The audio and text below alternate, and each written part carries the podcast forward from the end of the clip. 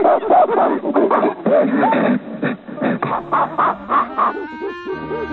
ha!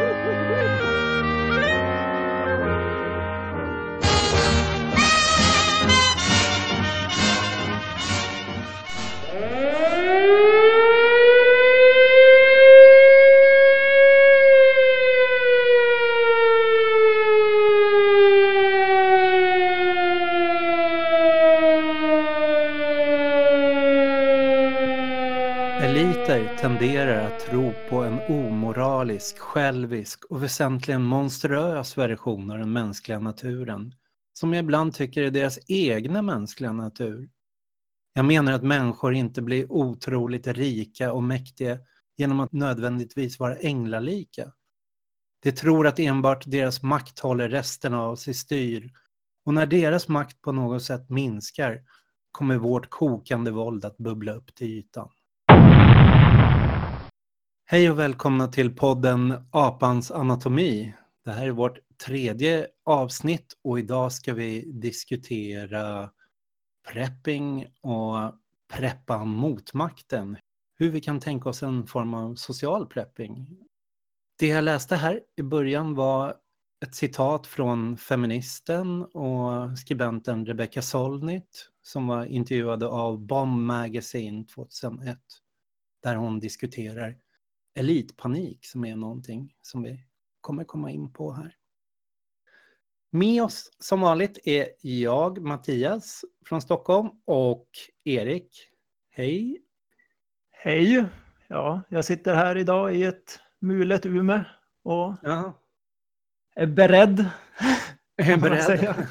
Beredskapen är god där uppe. Ja, men det låter bra. Ja, det var ju beredskapsveckan eh, förra veckan. Märkte du av det på något sätt där uppe? Nej, inte, inte alls vad jag kan påstå egentligen. Jag fick ju den här broschyren eh, ja. som alla andra fick, eh, som väl ja, skickades om... ut någon gång på 80-talet och sen har kommit igen nu. Om krisen eller kriget kommer, heter den. Viktig information till Sveriges invånare från eh, Myndigheten för samhällsskydd och beredskap. Ja, ja, exakt. Ja, och den läste jag väl igenom som jag tror att de flesta gjorde av så här lite nyfikenhet. Ja. jag hade ju sett på internet att den här skulle komma också och så här. Folk har ju diskuterat det lite.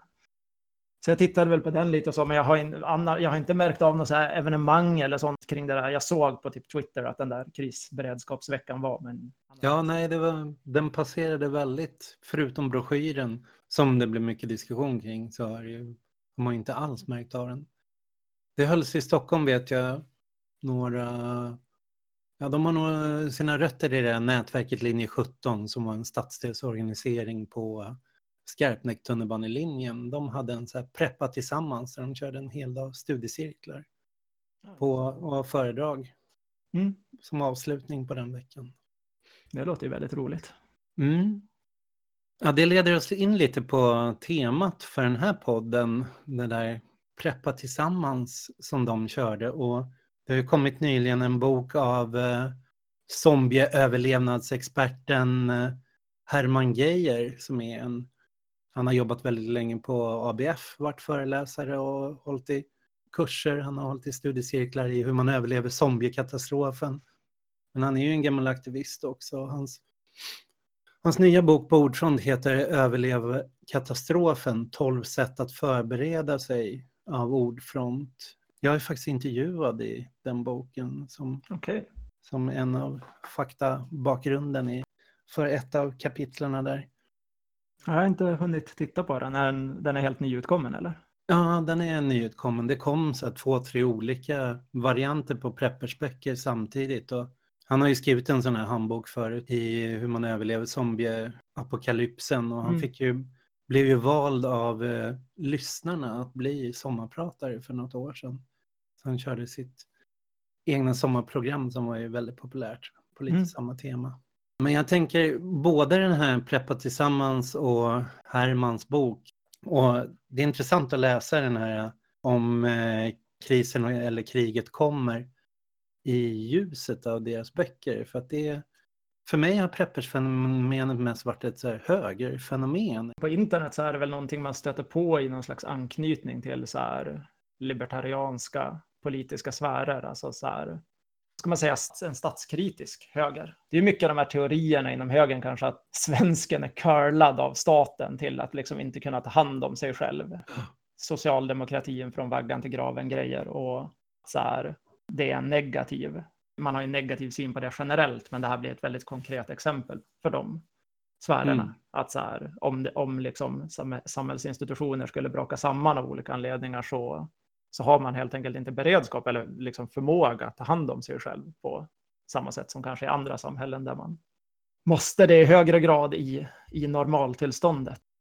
Jo, verkligen. Och det finns ju hela den här amerikanska ådran också av survivalism. Folk som bygger bunkrar, flyttar ut i mm. skogen mm. och på olika sätt liksom bygger lager, lär sig jaga. För det, som mm. är en väldigt individualistisk strömning. Att det handlar om eh, inte bara en misstro mot staten utan även en misstro mot närsamhället och att kunna klara sig själv och också göra det rätt dolt. Mm.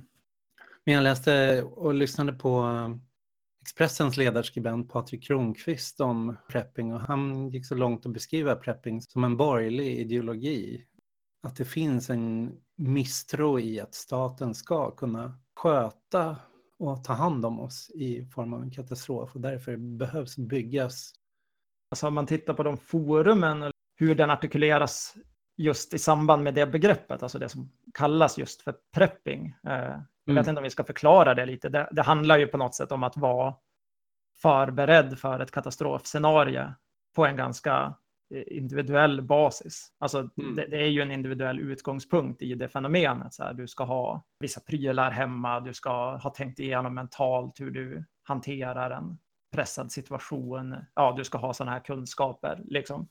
Eh, sen finns det ju, jag menar när jag har suttit på preppingforum och så, så finns det ju en del idéer om så här att lära känna sina grannar och ha mm. koll på vilka som typ är sjukvårdsutbildade i sin omgivning och hur man ska kunna komplettera varandras kunskaper i ett närområde och så. Men det är ju som inte det som är centralt i, mm. i så här, utgångspunkten är ju väldigt individualistisk i om man ska se ja. på det som rörelse eller liksom. Men jag tyckte det var intressant i den här broschyren om eh, krisen eller kriget kommer att det, det har ju varit under en längre period nu att försvaret har långsamt nedmonterats när man, man avskaffade allmänna värnplikten.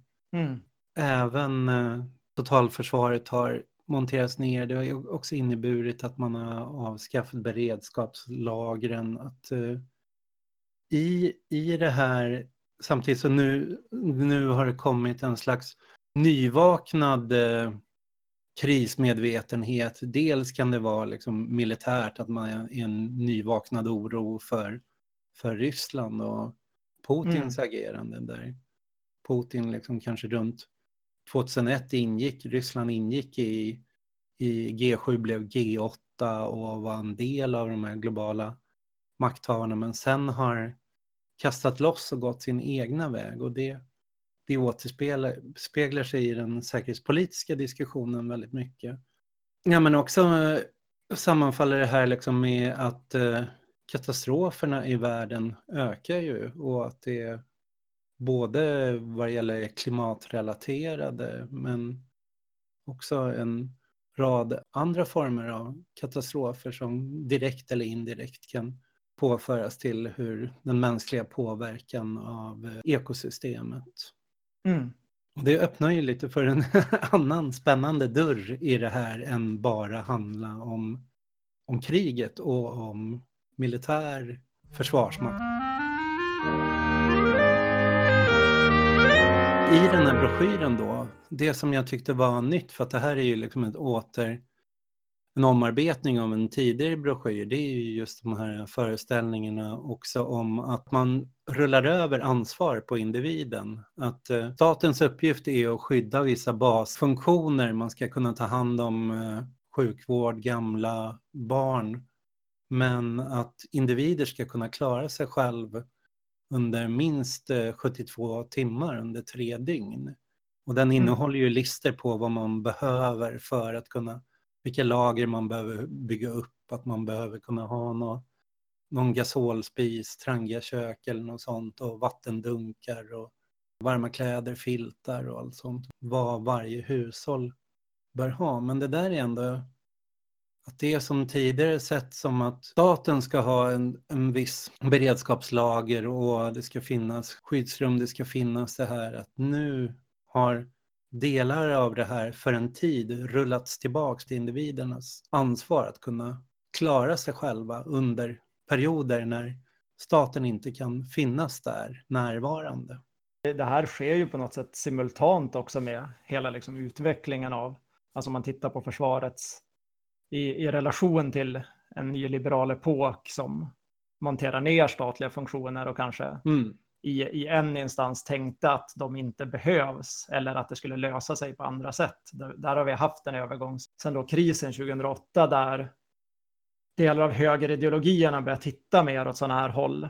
Att den här eh, marknadsideologin måste komplementeras med något, något slags, eh, någon slags civilsamhällesidé vi snackade om det i det här avsnittet om Storbritannien. Om, jag nämnde kort där David Camerons Big Society valmanifest som han vann på 2010. Och det handlar ju jättemycket om det här, alltså någon slags vag idé om att så här, människor ska ta ansvar för saker själva som civilsamhälle. Och att det är så här komplementet till marknaden. Så man, man, har, man har egentligen inte kommit till en punkt där man går tillbaka och tänker så okej, okay, vi måste stärka staten igen riktigt, utan det är mer som mm. twerka, det man kanske då ser som misstagen i, i utfallen av den nyliberala förskjutningen, kan man väl säga. Och där öppnar sig två vägar då, från hur det här civilsamhällets agerande och det ena är ju den mer individualistiska, att alla ska kunna rädda sig själva, sköta sig själva, ta hand om sig själva. Det är du som individ, det är familjen som enhet alla ska kunna skaffa sig de resurserna och förmågorna. Men eh, Hermans bok och lite de studiecirklar som har varit nu, de öppnar ju för en annan väg som eh, är intressantare i civilsamhällets organisering så att säga. Och det är ju där man ser vikten av social organisering för att, för att klara katastrofer och kriser. Där kommer vi komma in på eh, det som författaren Rebecca Solnit skriver om de gemenskaper som uppstår i kriser och katastrofer. Att det finns en, eh, en forskning kring det, kring katastrofgemenskaper. När mm. staten antingen eh, faller samman, drar sig tillbaks eller infrastrukturen inte kan hjälpa till.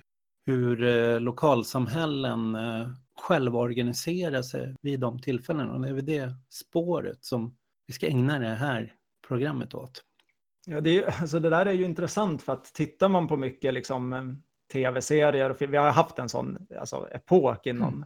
tv och film och så på 2000-talet då det har gjorts jävligt mycket zombiefilmer och katastroffilmer och så. Nu känns det som att det kanske har ebbat av lite. Det var så här peak, mm. typ ja, 2012 eller så kring det där. Men det kom ju supermycket liksom. Och den gemensamma nämnaren, nämnaren i hela den här liksom genren har ju varit en bild som också återspeglar hur media eh, hanterar när riktiga katastrofer händer. Vilket är idén mm. om att någon slags panik bryter ut, alltså när en katastrof sker, det spelar ingen roll om det blir liksom ett krigstillstånd eller om det är en naturkatastrof eller så, men, men så här, det är ju den här Hobbes-idén om liksom människans mm. inre natur som självisk och liksom bejakande sitt eget intresse och så vidare. Och att så här, tänker sig att människor gör i en sån här situation är att de eh, ja, men typ börjar plundra och mörda varann och att det blir anarki i den klassiskt negativa bemärkelsen. Mm. Anarki som synonym till kaos. Och det, vi, har ju, vi har ju båda tittat på den här boken av Rebecca Solnit då som heter A Paradise Built in Hell som har några år på nacken. Och den jobbar väl ganska mycket just med att titta mer så här, vad har faktiskt hänt i sådana här katastrofer? Ja, Rebecca Solnit, det hon, eh, hon diskuterar ju att det finns två föreställningar. Att det ena är falling apart och det andra är falling together. Att man mm. faller samman istället för att falla ifrån. Och det är precis som du, som du beskriver det, att det är någonstans, eh, vi, många av de katastrofer som hon tittar på, det är ju orkanen Katarina framför allt som var 2005 i Mississippi. Södra USA. Ja. Det var, alltså, det var ju en av de största orkanerna som har skett i modern tid. Det var typ, tror jag var nästan 2000 döda. New Orleans var väl epicentret ja. Vi, vi, ska väl återkomma lite till den för att det är intressant också så här kring ur många synvinklar. Hon tar ju upp vissa av dem. Och sen tittar hon lite också på den här. Hon tittar ju på det är en jordbävning också va, i eh, Kalifornien 1905, San Francisco. Mm. Ja, eh, visst. Och så blitzen, alltså axelmakternas bombning av London under andra mm. världskriget är också ett exempel som hon har gått igenom så här vittnesmål med folk som var där och upplevde vad som hände under de här situationerna. Jordbävningen i Mexico City 1985 är också ett sådant exempel mm. som brukar lyftas fram.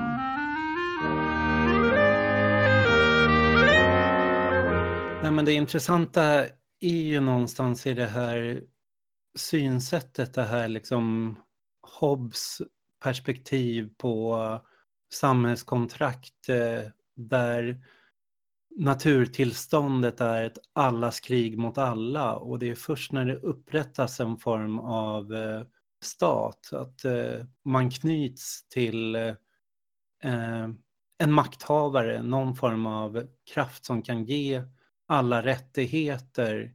Som det skapas en stabilitet i samhället, det skapas ett, ett rättssamhälle och försvinner den där statsmakten så kommer vi gå tillbaks till det här naturtillståndet och båda de här sidorna då vi kan se en syn ovanifrån att, att det finns katastrofområde i ett område där det har inträffat någonting som innebär att eh, staten, myndigheterna inte längre har kontroll. Deras organ, institutioner dit fungerar inte längre. Då finns föreställningen att det här direkt då går tillbaks till eh, urtillståndet, att då kommer alla plundra, angripa varandra, ta så mycket varann, råna, mörda. Och sen den andra synen då som är den här, som lite den här, vad man ska säga, borgerliga prepping-traditionen eller den där eh, individualistiska prepping-traditionen bygger på, som är då därför gäller det att rädda sig var man för sig och att bygga sina egna lager, skaffa sitt mm. egna vapenförråd, ha sin egen flyktplan för hur man ska kunna klara sig det. Så att den här individualistiska synen står inte i motsättning till den här tron på ett starkt samhälle. Det är inte så att det, den här höger och vänstersynen är så skild. Den ena bygger på liksom när staten så finns det här rättighetstillståndet. Försvagar staten så kommer det andra tillståndet inträda och då gäller det att rädda sig den som kan. Ja, det, det som är intressant när man liksom börjar titta på det här då och läser saker som Rebecca Solnit och, och många andra, det finns mm. ju liksom mycket skrivet om ämnet, är ju att eh, det stämmer inte riktigt. Den här mediala bilden som man kanske såg till exempel i Katrina eller senare i Sandy som var då en annan mm. orkan i USA 2012 är ju att det är någonting helt annat som händer väldigt ofta i de här situationerna. Och eh, media har ju en benägenhet att, alltså medialogik funkar ju på sitt sätt, liksom med vad som säljer och vad som skapar bra nyheter och så. Och det har ju ofta fokuserat på att man flyger in över så här, översvämningsområden mm. med helikoptrar och filmar plundrare. Eh, det såg vi nu också med den här senaste orkanen som var i USA. Jag tror det var förra året som slog in över Florida. Eh, den blev ju inte så allvarlig, men jag satt och så här liveföljde den på internet för att ja. jag tycker att det är så spännande med just orkaner. Och där var ju liksom, där letade ju verkligen media efter de här enskilda plundringsexemplen som kunde sedan blåsas upp på internet för att befästa den här synen på mm. att så här, det här är vad som händer. Men den generella tendensen man ser i mycket av de här faktiska studierna som pratar med folk som har varit på plats när sånt här har hänt och så, det är ju kanske snarare, och det är ju det vi vill diskutera, att det uppstår någonting man kanske kan kalla för katastrofgemenskaper eller katastrofallmänningar. Det framträder ofta ett stadie av väldigt intuitivt eh, samarbete och eh, här, solidaritet och vilja att hjälpa varandra. Det är liksom huvudfåran av vad man faktiskt ser när man studerar katastroftillstånd. Det finns inget default-läge där att gå tillbaka till individen att bara försöka rädda sig själv, utan det, det snarare är de samhällen med en nära och tajt social gemenskap där det finns grannkontakter, grannsamverkan, det kanske finns en, en kyrka, en föreningslokal eller en naturlig mötespunkt. De klarar sig bättre för att där finns det en form av eh, utgångspunkt, en struktur man kan, en vardagsstruktur som kan ta vid och ja, aktiveras, bli den självorganiserande grunden som tar vid när myndigheterna inte kan agera. Så att man hjälper varandra med förnödenheter, man hjälper varandra vid evakuering. Det andra är att det här ofta sker mm. i de fattigare områdena, de som saknar resurser mer. Att, att det handlar om, det kräver resurser att kunna evakuera. Så de som är resursstarka kan lättare evakuera medan de som är fattigare blir kvar i kris och katastrofzoner ofta och blir istället beroende på mm. att klara sig där och kunna agera där och måste göra gemensamt för att klara sig. Och det här, det här man ser är väl, det är ju liksom ett exempel på den här gamla, det, det finns en gammal mm. anarkist som heter Kropotkin. Han skrev ju sitt portalverk i början av 1900-talet, typ 1902, som heter Ömsesidig hjälp. Eh, jag läste om den i, den är nyöversatt på svenska igen av eh, bokförlaget mm. Hansson och Bruce. Det är Göran Greides brorsa som har översatt den. Jaha. ja, men alltså, den, den, där boken är ju grym liksom. Den är ju, den kom ju, jag vet inte riktigt när Darwin släppte sin eh, Marternas uppkomst, heter den, som kom i, någon gång på 1800-talet.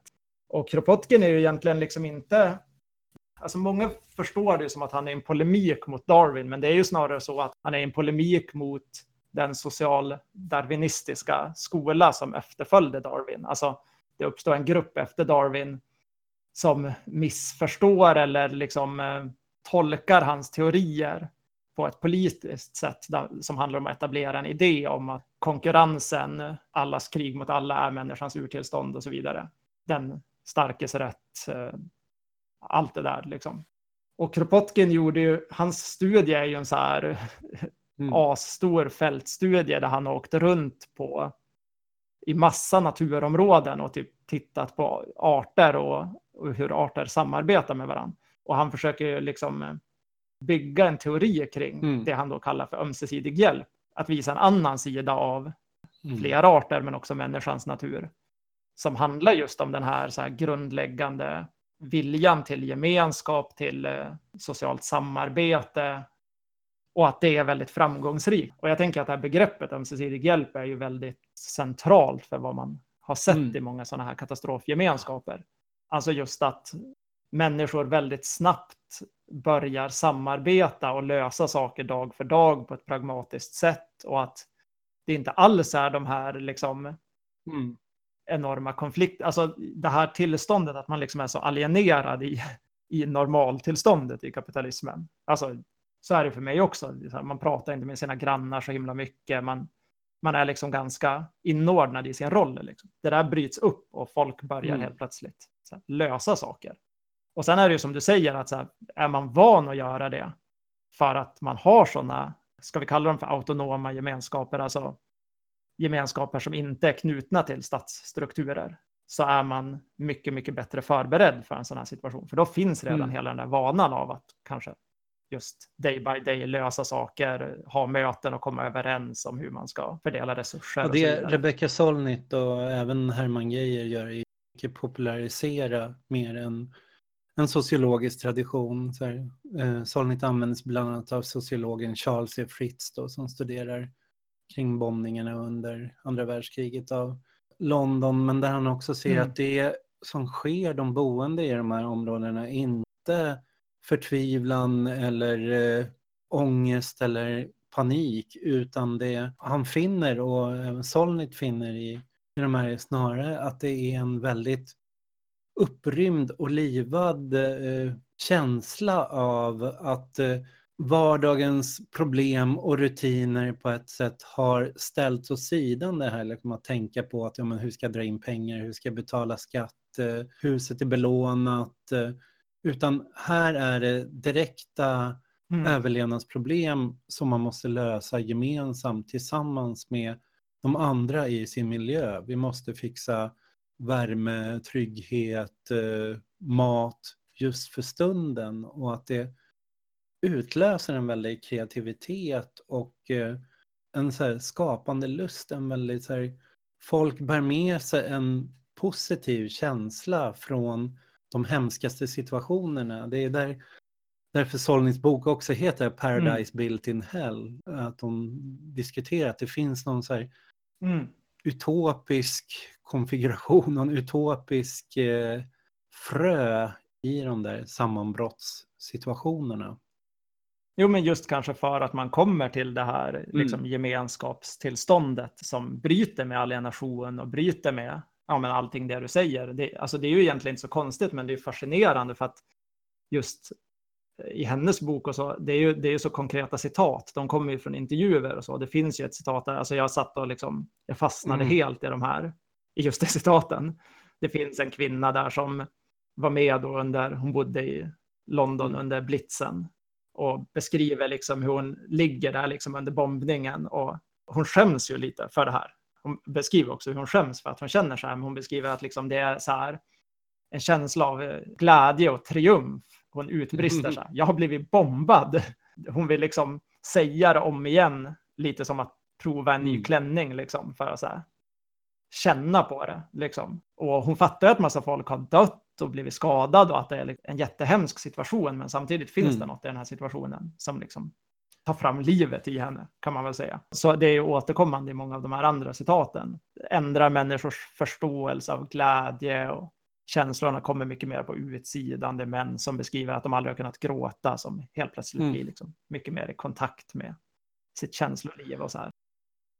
Så det är absolut någon slags att de här katastrofgemenskaperna tar fram eller just visar på något slags frö till mm. ett helt annat sätt att leva. Det här kan ju då ställas i kontrast till motreaktionen. Den eh, statliga reaktionen. Just det här föreställningen av att eh, i katastrofen råder allas krig mot alla får ju också myndigheterna att agera mot katastrofzoner som en ockupationsmakt eller som att det är varje inhemsk mm. katastrofområde är en krigszon där man måste in och återstärka sin auktoritet. Vi pratade om det i, i det här om SAD, mm. det ockuperade området i Frankrike, där Macrons projekt var nu, han stoppade med flygplatsbygget, men i och med att det har blivit en så stor självstyrd zon så så måste han gå in och återställa republikens lagar.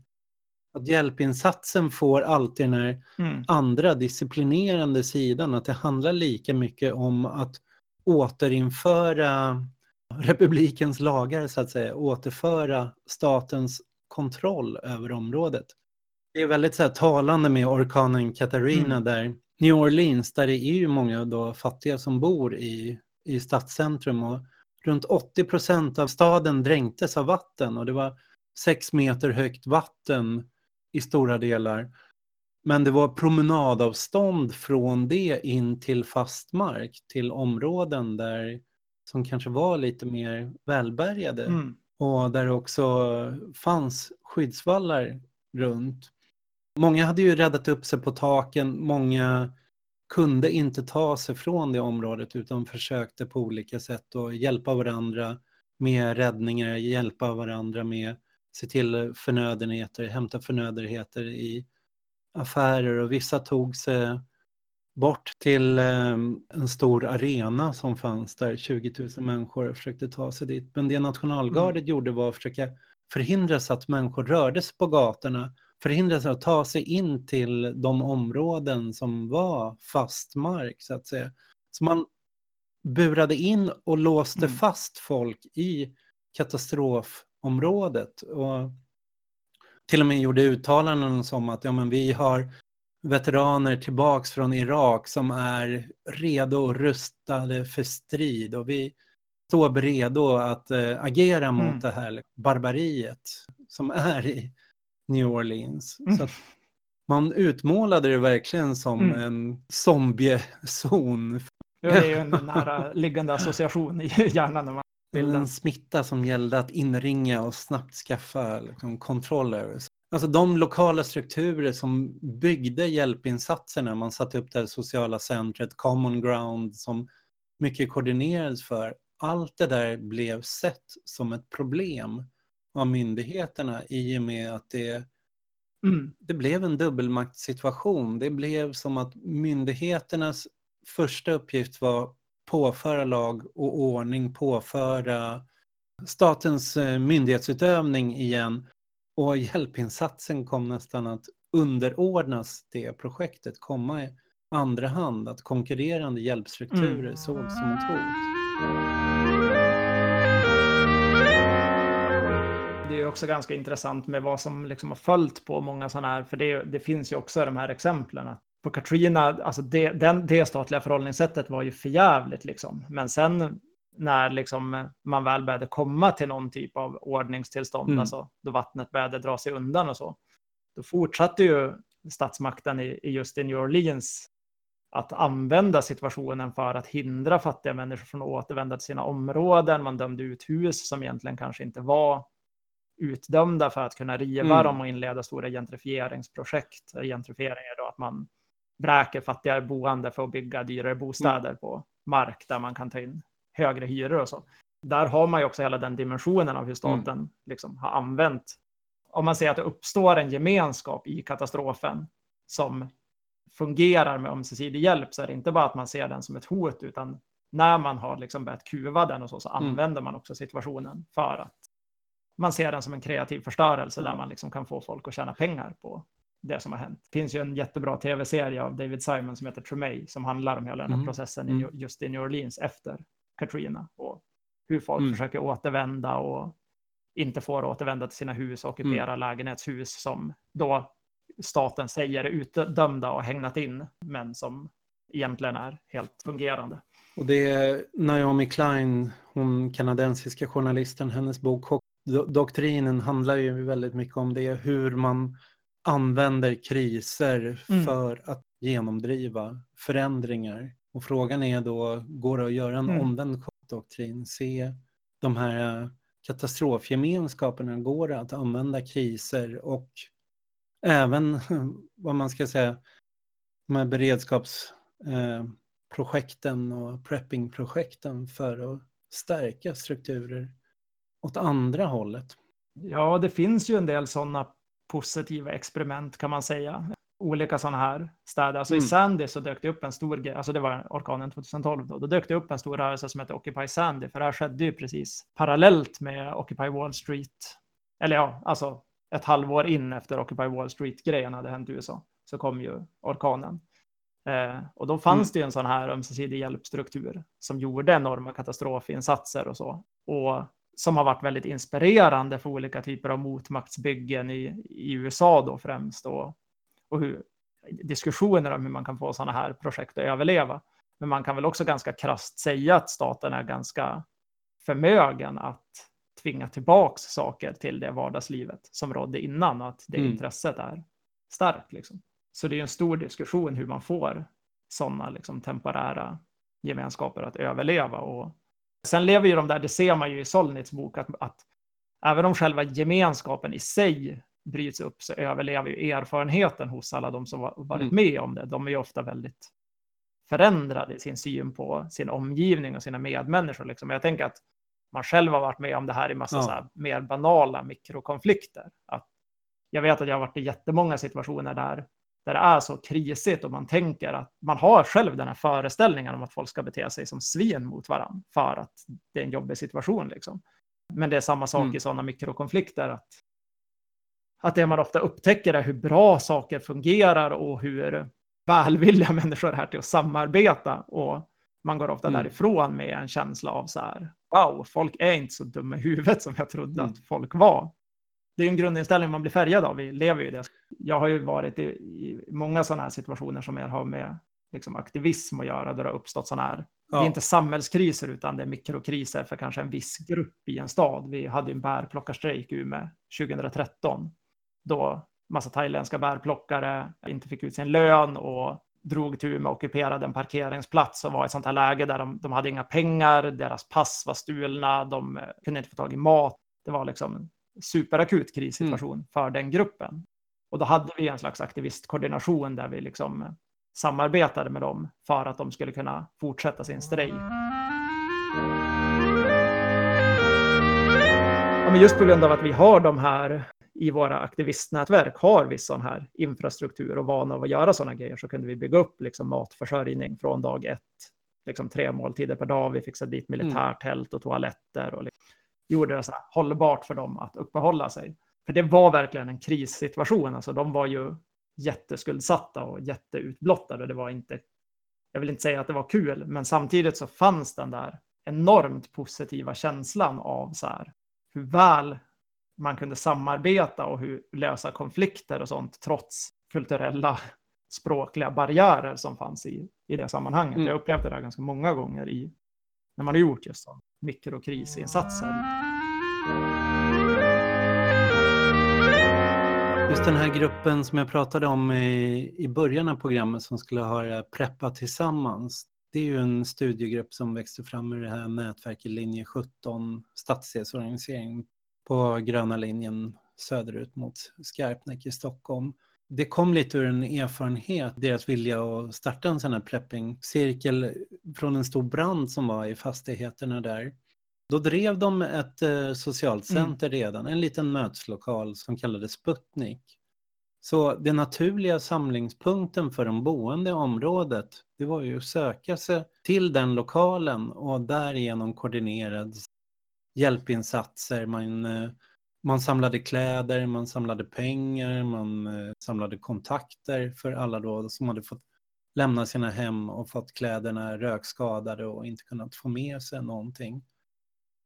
Och det gick ju så att allmännyttan där till slut upplät lokaler åt Sputnik för att de behövde större ytor för de förstod att det här är den struktur, det är en så här självorganiserad hjälpstruktur som finns.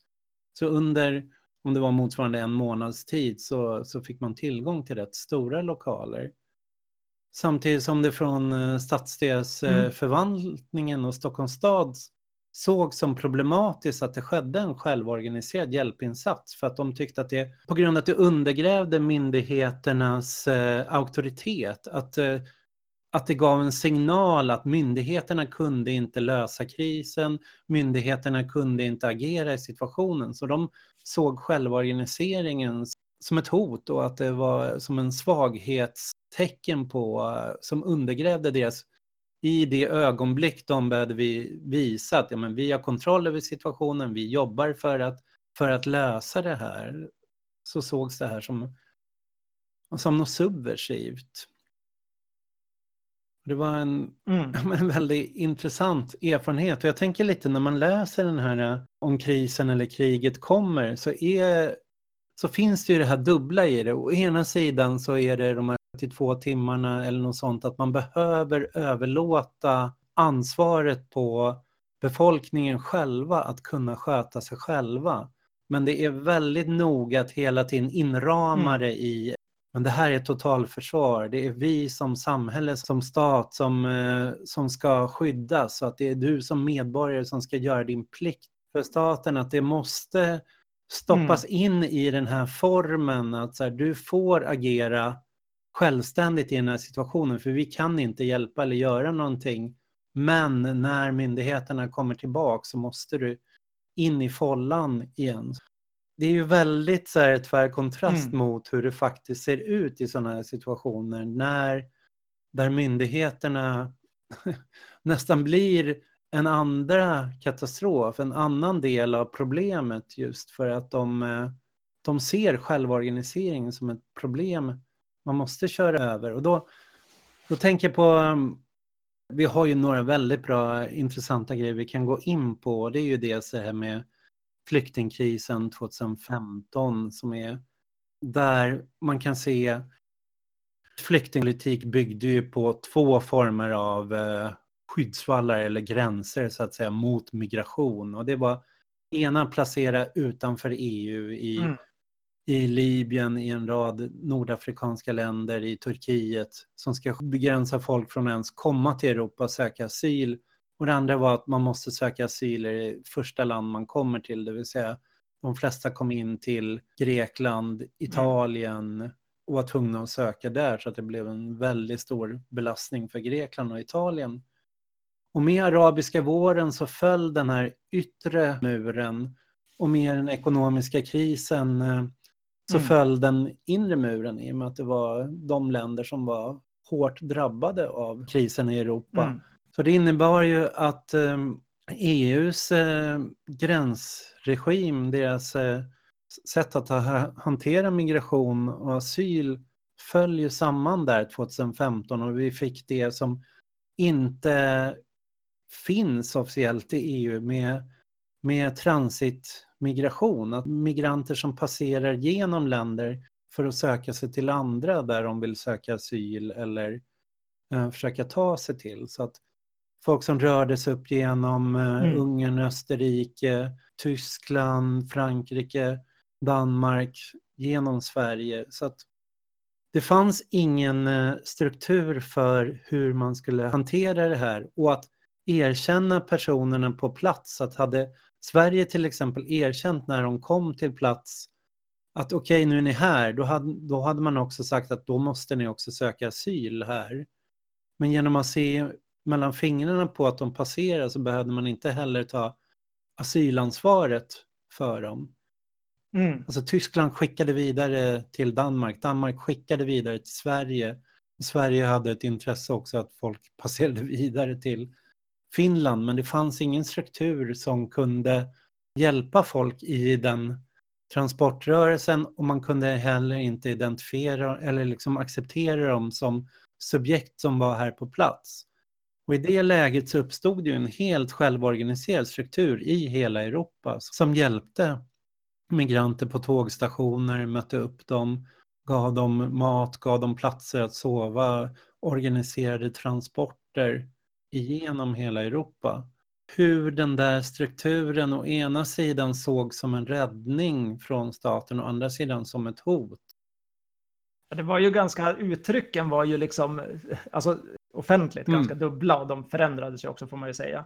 Men jag tror att om man, jag var ju så här vagt inblandad i det här på lokal nivå genom aktivistmiljö då, och sen ganska parallellt också i liksom hela situationen mm. med EU-migranters boendesituation. I Norrland var ju den superkritisk för att det blir vinter här och det blir jävligt kallt.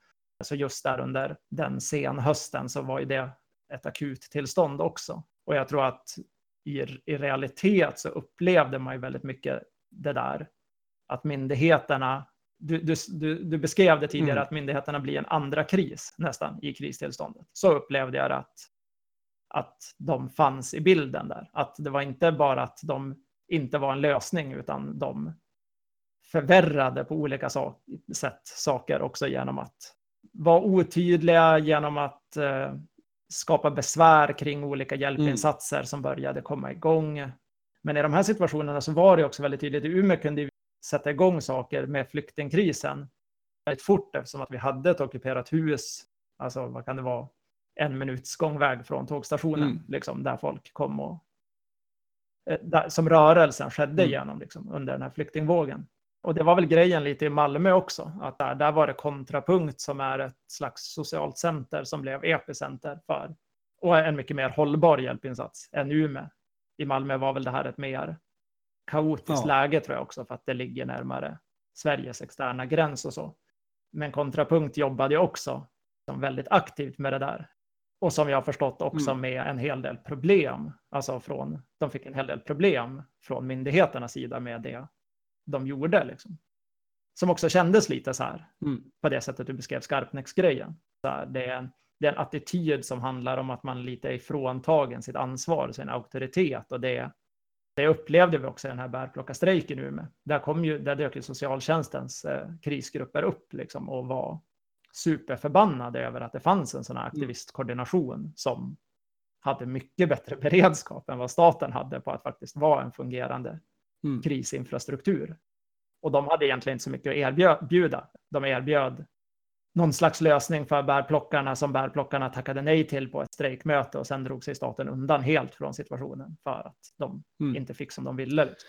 I Stockholm så vet jag att det, alltså de som tog väldigt mycket, det var ju Pingstkyrkan, eh, Fittja moskén, ABF tog under en väldigt kort tag, under någon vecka. Flera lokaler öppnades upp, jag vet Vänsterpartiet, Subtopia, Eh, mm. en rad sådana lokaler. Ja, Cyklopen, Nobelberget.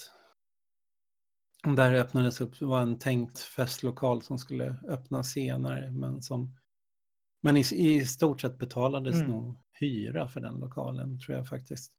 Och Café 44 hade ju sitt mm. kök mm. igång och lagade mat och, och så det aktiverades en väldigt stor struktur där i av sociala rörelser, av civilsamhället som var helt utanför. Allt åt alla hjälpte till att organisera busstransporter, hyrde in bussar så att man kunde bussa folk genom landet vidare upp till mm. finska gränsen för de som ville.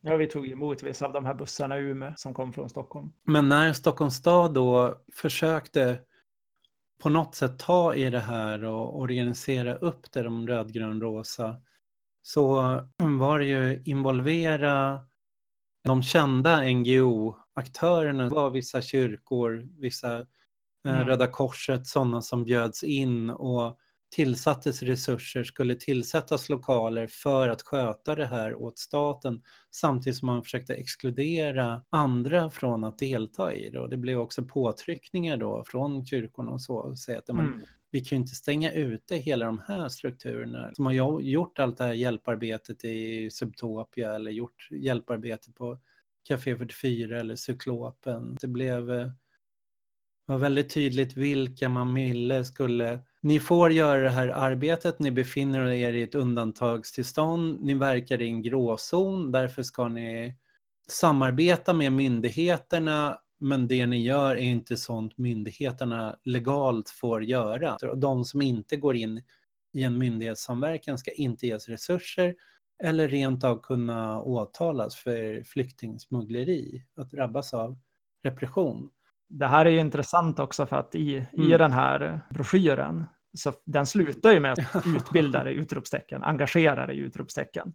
Och där nämner man ju så här att det finns massa ideella organisationer och trossamfund som har viktiga funktioner i säkerhet och beredskap. Och så skriver man att de frivilliga försvarsorganisationerna har särskilda uppdrag inom totalförsvaret, erbjuder kurser och utbildning. Och, så. och här finns ju någon slags inriktning, så, så som jag upplever i alla fall, att nu pratar vi om den här NGO-sfären som fungerar systematiskt som en mm. förlängd del av staten. Alltså den, är, den är frivilliga organisationer, men den, den är ändå statsfinansierad och van att vara koordinerad med staten. Liksom. Och det är någonting helt annat än den här typen av autonoma gemenskaper som uppstår spontant och är de som mm. i verkligheten tar kommando. Jag har ju själv upplevt att även de här är ju, de här NGOsen är ju sena in ja. på banan i, när sånt här händer. Jo, det är ju ofta att de, de har ju resurser. Det kyrkorna har lokaler och det är naturliga knytpunkter och så. Men de agerar sent. Det tar tid mm. för dem att komma igång. Men mm. när de väl gör det så har de resurser. Jag tänkte på ett annat exempel att ta upp och det var ju det här terrordådet som skedde på Drottninggatan när mm. terroristen Rakilov kapade en långtradare och körde ner för Drottninggatan och dödade flera människor. Vi pratade ju lite om det där precis när det hade hänt och du skrev någon text också i, alltså på Brands, mm. tidningen Brands hemsida. Folk svarade med kärleksmanifestationer och handhjärtan och manifesterade sin kärlek. Och det blev väldigt hånat i högersfären men någonstans det som mm. angreps var ju den stad som vi alla bor i, de platser vi lever, rör oss på, så det som vi pratade om i det SAD-avsnittet, att det här var den bebodda staden, de som är territoriet. Det handlar inte om, det var inte Åhléns i sig som ägde fastighetsstruktur som angreps, utan det var ju flödet av folk på gatorna. Att det, terrorns syfte är att skrämma oss till individer som känner att vi inte vågar röra oss, inte kan lita på varandra. Att vi ska vara rädda. Och för, för staten så är ju terrorns effekt, det är ju för att visa att staten inte har kontroll. Staten kan inte vara skydd för medborgarna. Men för medborgarna är det ju att eh, de offentliga utrymmena, de, de platser vi lever, det man brukar kalla det öppna samhället angrips. På ett sätt är det ju väldigt naturligt att de här mm. manifestationerna och det som skedde direkt var ju att folk öppnade sina hem, sa kom hem, ville komma på en fika, bara sitta någonstans, är i stan, man själv organiserade transporter, man organiserade den här kärleksmanifestationen, att kärlek är ju bara ett annat begrepp för solidaritet. Det är alltid det är ett relationellt begrepp som bygger på mm. kontakter, mot, totala motsatsen till isolering och rädsla. Det blev eh, de här autonoma gemenskapernas sociala samhällets svar. Medan för makten så är det snarare det finns ett begrepp eh, som amerikanska katastrofforskare tagit fram där man pratar om elitpanik. Den mm. beskrivningen mm. från Katarina till eh, Drottninggatan sånt är ju det vi skulle kunna beteckna som elitpanik. Det finns tre varianter av elitpanik. Det är, Herman tar upp det bra i sin bok, den här Överleva katastrofer. Dels när eliten oroar sig för panik, alltså när eliten tror att människor kommer att bete mm. sig illa och bli farliga för varandra. Alltså man är rädda för det här allas krig mot alla. Dels när eliten orsakar mm. panik, när politiska beslut leder till att människor hamnar i konflikt med varandra eller med ordningsmakten. Och den tredje, när eliten själv får panik, när människor med makt beter sig irrationellt och inte agerar utifrån vad som verkligen händer. Alla de här tre mm. formerna kan man ju se i de här formerna av katastrofer. det är under refugees eller flyktingkrisen och under det här terrordådet var ju att civilsamhället gick mot öppna upp sig, bygga gemenskaper, ta platser, gå ut på gatorna, upprätta relationer, skapa trygghet, aktivera människor. Medan elitpaniken ovanifrån är att kräva hårdare tag, polisiär patrullering, göra tydliga styrkemanifestationer, att myndigheterna har kontroll. Det är krav på hämndaktioner mm. eller att någonting slås ner på för att visa upp att man tar, tar i krafttag. Så att det, det som man gjorde efter 9-11 i USA, ja. att man raidade alla moskéer på eh, Brooklyn och så vidare, helt så här ovidkommande. Det fanns liksom inga, ingen bevisstruktur eller plan för det, utan det ja. var en så här handling som bara ska statuera så här, vi har kontroll, vi gör någonting. Ja, och man inför undantagstillstånd, man sätter rättigheter på undantag, man begränsar mm. Eh, former av yttrandefrihet. Eller, så att det innebär att eh, elitpaniken för samhället högerut i en mer auktoritär riktning medan den här katastrofgemenskapen öppnar upp samhället och för det i en mer solidarisk riktning.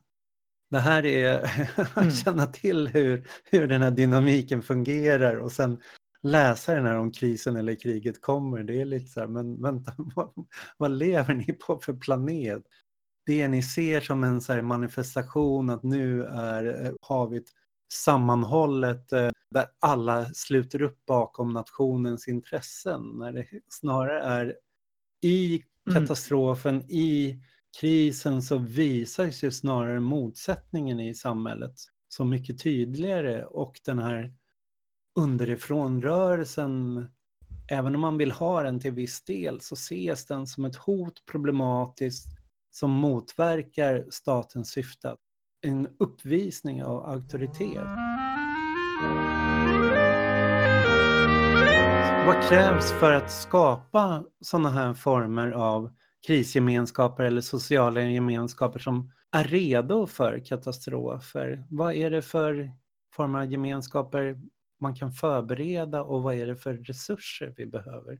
Jag tänker mycket av det jag läst om, men också mycket så här hur jag upplevt att själv vara engagerad i olika sociala rörelser och så det är ju väldigt tydligt att så här, lokaler, dels, eller generellt att ha, att bygga vad ska man kalla det, autonoma strukturer, alltså strukturer eller gemenskaper av människor som är oberoende av staten och redan finns där på plats, har erfarenheter av kanske inte bara att samtala och samarbeta, men också att så här, ha gjort praktiska saker på det här sättet. Mm. Jag tänker att det är så här, den fundamentala mm. gemensamma preppingen. Det är att så här, ha befunnit sig i mikrokonflikter eller i situationer där man måste agera hastigt med små medel så att man vet mm. tillsammans hur man gör det. Alltså då har man en mycket bättre beredskap på att hantera det när, när det är väldigt viktigt. Liksom. Och där är ju så här lokaler och att ha vissa saker tillsammans väldigt instrumentellt. Alltså det är ju så här, det är så här vi jobbar i, i mina aktivistnätverk, att när vi har stött på mikrokriser så har vi ofta diskuterat så här, men vad behöver folk hjälp med? Vad kan vi? Ja, men vi, har, vi, vi är en del som är sjukvårdsutbildade, som är så här sjuksköterskor och läkare och så, ja, men då startar vi upp en sjukvårdsgrupp och så börjar vi jobba med basal sjukvård. Mm. Och i sådana gemenskaper så anhopar man också sådana resurser så att man har dem för när sådana situationer uppstår igen. Det är det man lär sig. Det är det jag tänker att många sådana här, om man bygger de här strukturerna i förebyggande syfte, så är det sånt man tänker på. Hur hanterar mm. man sådana situationer? Och det är väl också det man ser när man läser om de här exemplen. Att, ja, men du snackade om det förut. Att de områdena som klarar sig bra, är, där har man ofta så här vanan av att samlas i gemensamma lokaler och dela på resurser och ja, men bygga olika typer av allmänningar som finns också i vardagen innan en katastrof sker. Alltså det här borgerliga prepper-fenomenet, eh, det bygger ju så mycket på att individen ska bli en så här multitasking, ha utvecklat så många förmågor. Du ska kunna basic sjukvård, du ska kunna jaga, du ska kunna odla, du ska kunna hushålla eh, resurser. Allting ska du lära dig själv som person och det Ja, det är ju mm.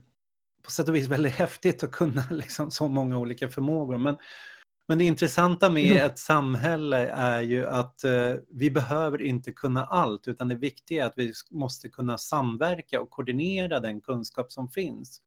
Att bara se på den gata man bor eller mm. i den rörelse man är aktiv eller kring den träffpunkt man är verksam så finns det folk med så oerhört mycket olika kunskaper. Och att då gäller det att se de resurserna. Hur kan vi gemensamt samverka dem?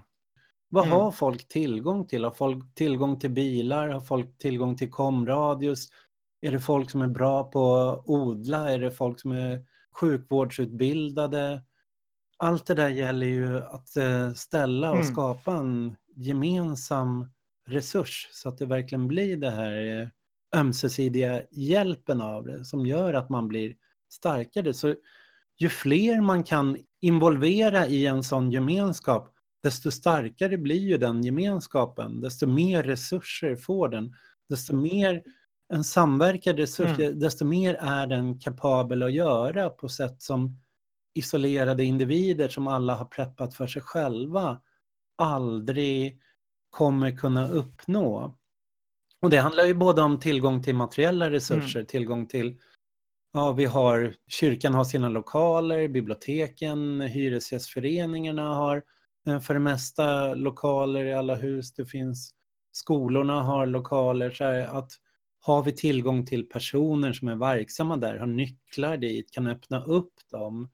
Jag tänker på lite på de här toppmötesprotesterna som pågick liksom från slutet av 90-talet och ja, nu förra året var det G20 i Hamburg. De, de strukturer som byggs upp där är ju väldigt intressanta för att eh, man går ju in i en katastrofsituation. Det är en så extremt konfrontativ, kontrollerad eh, undantagstillstånd. Men det rörelser har gjort för att bygga upp en toppmötesprotest är ju ofta att skapa så kallade convergence centers, alltså platser där man kan komma samman, där det finns mm. infopoints, där du vet att mobiltelefonen kommer inte fungera när det är hundratusen personer ute på gatan och de ska ringa samtidigt. Så mobilen är värdelös. Det sättet du kan kommunicera det och ha en vängrupp att agera utifrån och den vängruppen har förbindelse med andra vängrupper men det också finns alla rör sig via vissa informationsplatser så att man, man går dit, man hämtar, mm. man lämnar information, man får en karta, man ser, man har stora tavlor, whiteboards där folk för upp liksom det senaste som sker. man kan ha enklare former av radiosändningar eller någonting sånt som gör att trots att eh, mobilnätet är utslaget eller internet kanske inte fungerar så kommer informationen att cirkulera via de där platserna. Man mm. ser till att det finns folkkök, det finns eh, platser man kan vila upp och känna sig... Det finns eh, folk som har kunskap om eh, sjukvård.